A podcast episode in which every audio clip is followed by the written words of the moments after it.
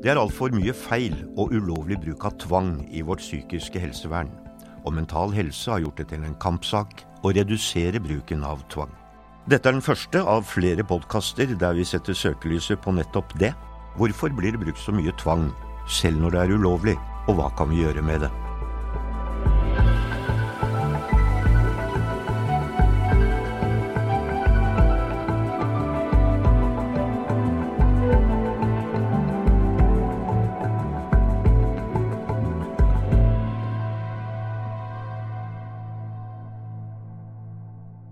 Hei og velkommen til Mental Helses podkast om tvang i psykiatrien. Jeg heter Oddvar Stenstrøm. Linda Berg Heggelund, velkommen. Tusen takk, Oddvar. Du er jo generalsekretær i Mental Helse, du. Og hvordan fikk dere ideen til disse podkastene? Du, Mental Helse har jo over mange år hatt fokus på dette her med tvang, og vi syns at uh, tallene er høye. Men selve ideen den ble til etter at Mental Helse hadde en konferanse i mars i år hvor temaet tvang og psykiatri var det som skulle diskuteres. Og da slo det meg at det var veldig forunderlig at det var så mye forskjellig syn på dette temaet tvang. Og så mange forskjellige måter å tolke det på. Eh, det var bl.a.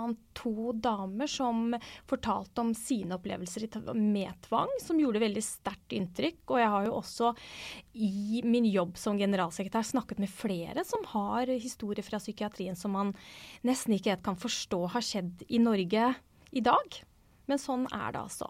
Så da tenkte jeg at vi må jo prøve å få disse personene, om vi ikke får dem i samme rom, men i hvert fall å høre dems syn på saken. For de er reflekterte personer som kan si noe om det fra veldig forskjellige ståsteder.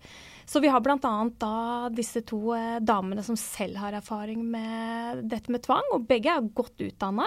Hun ene jobber som eh, psykolog i dag, mens hun andre har en doktorgrad innenfor fysikk, så dette er veldig smarte damer problemer. Og vi har også fått tak i en psykiater som kanskje snakker sin egen faggruppe litt eh, midt imot. Ikke bare faggruppen, men også juristene. Eh, og også to jurister da, som eh, jeg håper vil si noe om hvordan man ser på det at Norge til stadighet bryter menneskerettighetene og det lovverket vi har. For tvangslovverket vårt er jo ganske strengt, men man ser at det overholdes ikke. Så har vi da en uh, tidligere sykehusdirektør som uh, har klart å få ned tvangen. Han bestemte seg for at han ønsket å gjøre noe med det, og klarte å få redusert tvangen med 80% og det er jo veldig, veldig imponerende. Uh, og så har vi helseministeren, som vi er veldig glad for takka ja. Som vil si noe om hvordan det er å ha det overordnede ansvaret for psykisk helsevern. Det er jo et utrolig fint persongalleri, men hva ønsker dere å oppnå med disse podkastene? Det som jeg er veldig opptatt av, er jo at uh, menneskene der ute skal få mer kunnskap om hva det vil si hva tvang er, og uh, at det ikke er bare det bildet som vises i media. Da er det gjerne skrekkhistoriene som kommer frem, ikke de gode eksemplene eller der hvor man faktisk får til å redusere tvang. Eh, og jeg ønsker også at eh, man skal eh, gi både fagpersoner eller studenter eller andre som er interessert i feltet, hjelpe dem inn i en refleksjon. Da. De tenker at dette er godt nok. Dette er mennesker som er svake og som har utfordringer i perioder. Og er det sånn vi tenker at vi skal møte de? Eller er det andre måter vi kan gjøre det bedre på? Men hvordan er egentlig situasjonen innen psykisk helsevern når det gjelder tvang? Norge utøver uh, mye tvang. Uh, vi har flere tvangsvedtak enn våre naboland. jeg prøvde å regne på det til jeg skulle møte her i dag, og da fant jeg ut at vi har i gjennomsnitt 21 tvangsinnleggelser per dag i Norge. Og det er selve tvangsinnleggelser som er det tvangsmiddelet som brukes oftest. Og etter det så er det kortvarige holdninger. Men så ser vi også da som nummer tre er mekanisk tvang, og det er da beltelegging, som man vet er veldig traumatiserende for de som opplever det. Eh, og kan gjøre at de i ettertid får mye større utfordringer enn det de kanskje hadde før de opplevde belter. Kan gjøre vondt verre? Absolutt. Men det er igjen så er det jo forskjellige opplevelser, så det er jo ikke bare sort-hvitt. Jeg tenker jo at uh, det som er viktig, er jo at man snakker med de som er brukere av systemet, pasienter, helst i forkant, sånn at man kan høre med de hva tenker du er en OK måte at vi møter deg på når du er på ditt dårligste. Hva er det du absolutt ikke ønsker? Og hva tenker du kan være greit? Hvordan vil du at behandlingen skal være når det oppstår en krise? Det tenker jeg er litt nøkkelen til at man både skal få ned tvangen, og at uh, den som opplever tvang skal føle at den har mulighet til å styre situasjonen sin til en viss grad. Du har eh, sagt i et intervju, Linda, at norsk psykiatri er verre enn sitt rykte. Mm, det stemmer. Hva ligger i det? Nei, Det jeg mener der, er jo det at det har vært en sterk nedbygging av antall eh, sengeplasser i psykiatrien. Eh, hensikten var jo at man skulle bygge opp uh, mer det lokale kommunale tilbudet, sånn at pasientene eller brukerne skulle få hjelp nærmere der de bor. Men det som har skjedd her, er jo at man har ikke gjort den oppbyggingen parallelt. Så de som er dårligst, de får eh, kortere behandlingstid og sendes raskere ut. Eh, og er kanskje ikke så stabilisert som de selv ønsker. Som igjen fører til at de, vi får svingdørpasienter. I verste fall så kan man jo også miste liv pga. det. Og dette her handler jo om eh, ressurser. Og det er jo faktisk sånn at man får den psykiatrien man fortjener. Og da tenker jeg at um, at uh, det må puttes mer penger inn i psykiatrien. Også, sånn at man kan både få mer ressurser i form av mennesker, andre typer yrkesgrupper. Uh, det å tenke alternativ til tvang. Du, det er en jurist i Tromsø som tok doktorgraden på tvang i psykiatrien. Og han slo fast at i norsk psykiatri så brytes menneskerettighetene systematisk. Pasientene vet ikke, sykehuset vet ikke, og kontrollkommisjonene vet ikke. Det er nesten sånn at du ikke skulle tro det var sant, men det er faktisk sant. Ja, det er det. Det er jo, blant, er jo Marius Storevik som har avdekket uh, dette. Og jeg tenker at det sier også noe om hvor vanskelig dette feltet er, når ikke engang uh, kontrollkommisjonene, som skal være en vaktbikkje og påse at uh, dette gjøres på riktig måte, vet hva de skal se etter, eller at pasientene som blir utsatt for tvang, vet at det er ulovlig. Så vi må inn og se på dette feltet med nye øyne, hvis det er sånn at vi har et regelverk som vi ikke engang selv vet hvordan vi skal overholde. Ja, Nå er det jo sånn at uh, noen mener politikerne våre har vært litt for lite opptatt av dette, og at det er derfor vi selv i et sivilisert land kan la sånt skje. Er du enig i det? Ja, det er jeg til en viss grad. Altså, jeg tror at det handler mye om uvitenhet. At lovverket vårt er vanskelig å forstå. At man derfor velger å ta en mer passiv rolle. Samtidig så ser jeg jo også det at uh, selv om bl.a. helseministeren sier at uh, psykiatri og psykisk helsevern er noe man ønsker å prioritere, og den gylne regel og slike ting, så er det mye mindre midler til psykiatrien enn til somatikken. Og Det sier også noe om hvordan politikerne ser på dette feltet. For hvis man ønsker dette løftet, som man sier, så må man også putte ressurser eh, inn i det. Og sette seg inn i hva det faktisk betyr. Du hører på Mental Helses podkast om tvang i psykiatrien. Og gjesten vår er Linda Berg Heggelund, som er generalsekretær i nettopp Mental Helse. Men Linda, hva er Mental Helses holdning til bruk av tvang?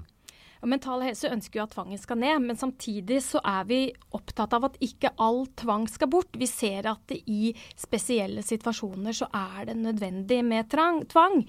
Eh, og samtidig så er vi opptatt av at dersom man kommer til det skrittet at man skal benytte tvang, så er det viktig at det gjøres på riktig måte, og at de som utøver tvangen har kompetanse på det. Eh, og det kan jo være seg bl.a. at man er god på å se er det andre måter jeg kan avlede på nå, sånn at vi kommer oss raskere ut av situasjonen eller unngår bruk av eh, tvangsmidler. Men vi er ikke der at vi tenker at eh, tvang skal vekk for enhver pris, men at den skal ned. Men hva slags tvang kan dere godta? Det syns jeg er vanskelig å svare på. Igjen så er jeg opptatt av at uh, frivillige tiltak skal være prøvd først. Og så er det jo veldig personavhengig uh, hvilke tvang som man kan godta.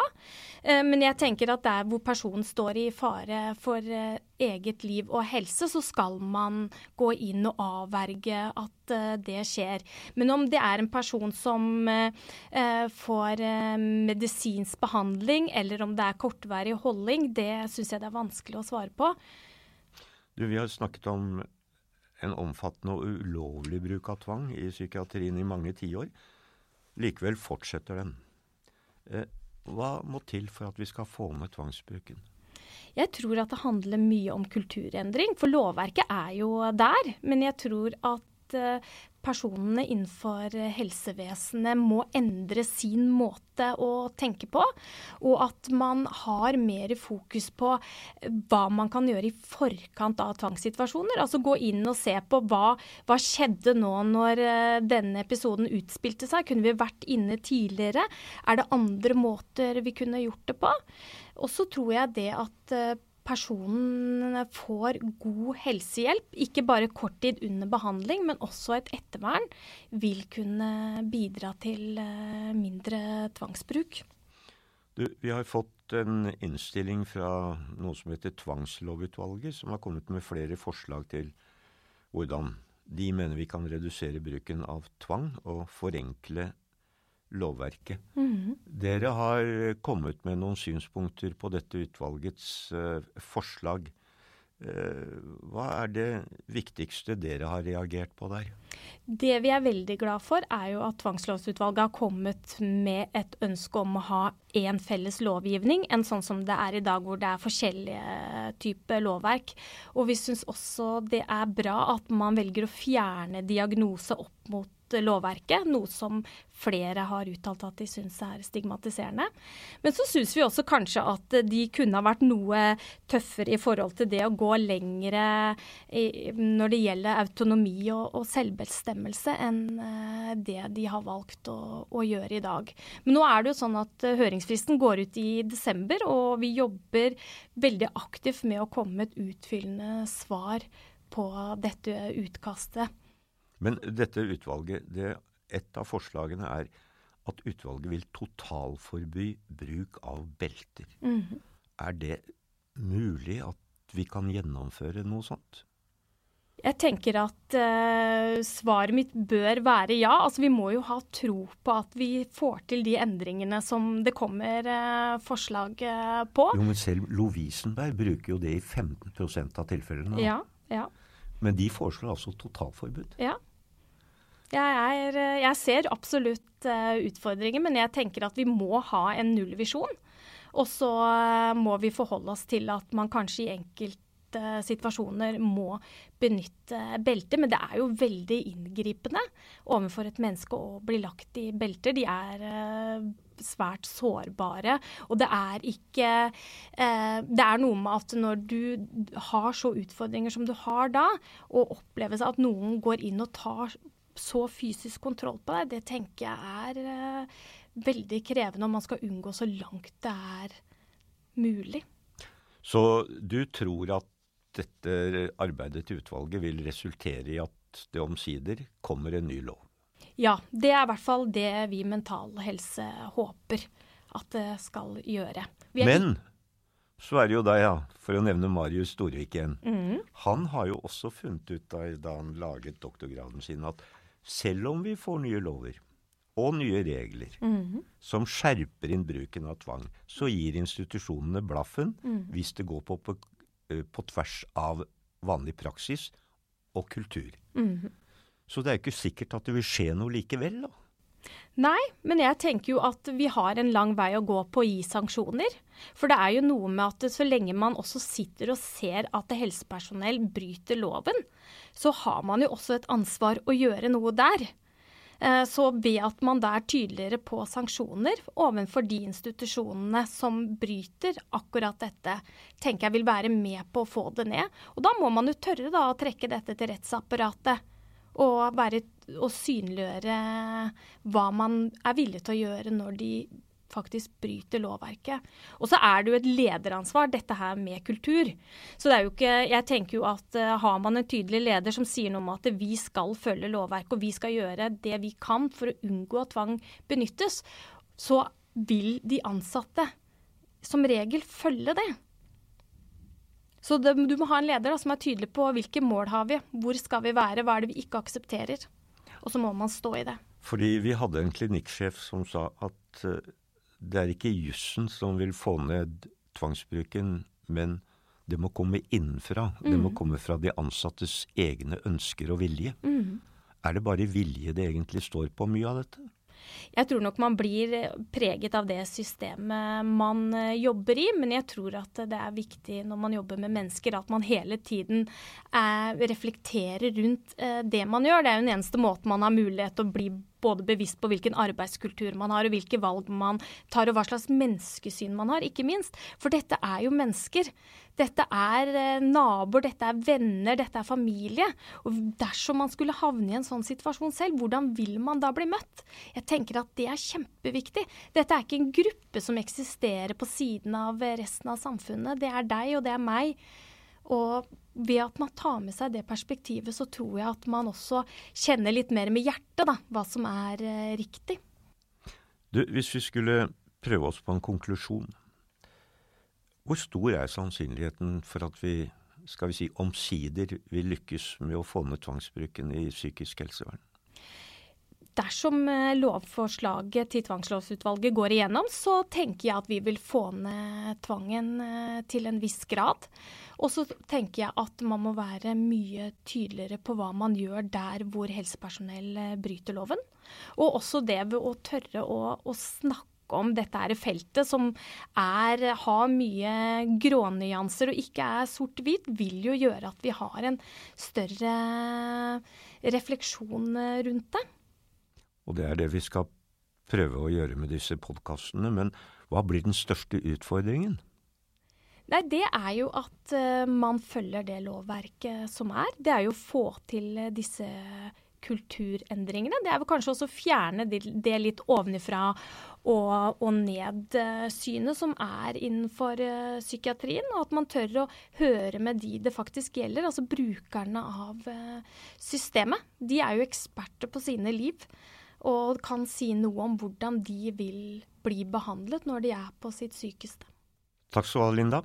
Du har hørt Linda Berg Heggelund, generalsekretær i Mental Helse. Hvis noen av dere som har hørt på oss har behov for å snakke med noen, så kan dere ringe Mental Helses hjelpetelefon. Den er åpen døgn rundt 365 dager i året, og nummeret til hjelpetelefonen er 116 123. 116 123. Hvis du syns det er vanskelig å snakke på telefonen, så kan du gå inn på nettet på sidemedord.no. Sidemedord.no. Da kan du chatte med veiledere og alle som skriver utenom åpningstidene, får svar innen 48 timer. Jeg heter Oddvar Stenstrøm og vil helt til slutt si takk til stiftelsen DAM, som har gjort det økonomisk mulig for Mental Helse å produsere podkasten om tvang i psykiatrien. Takk for nå. Denne podkasten er produsert av sesong 1 for Mental Helse. Musikken er lagd av Martin Horntvedt, og tekniker er Markus Moe Hansen.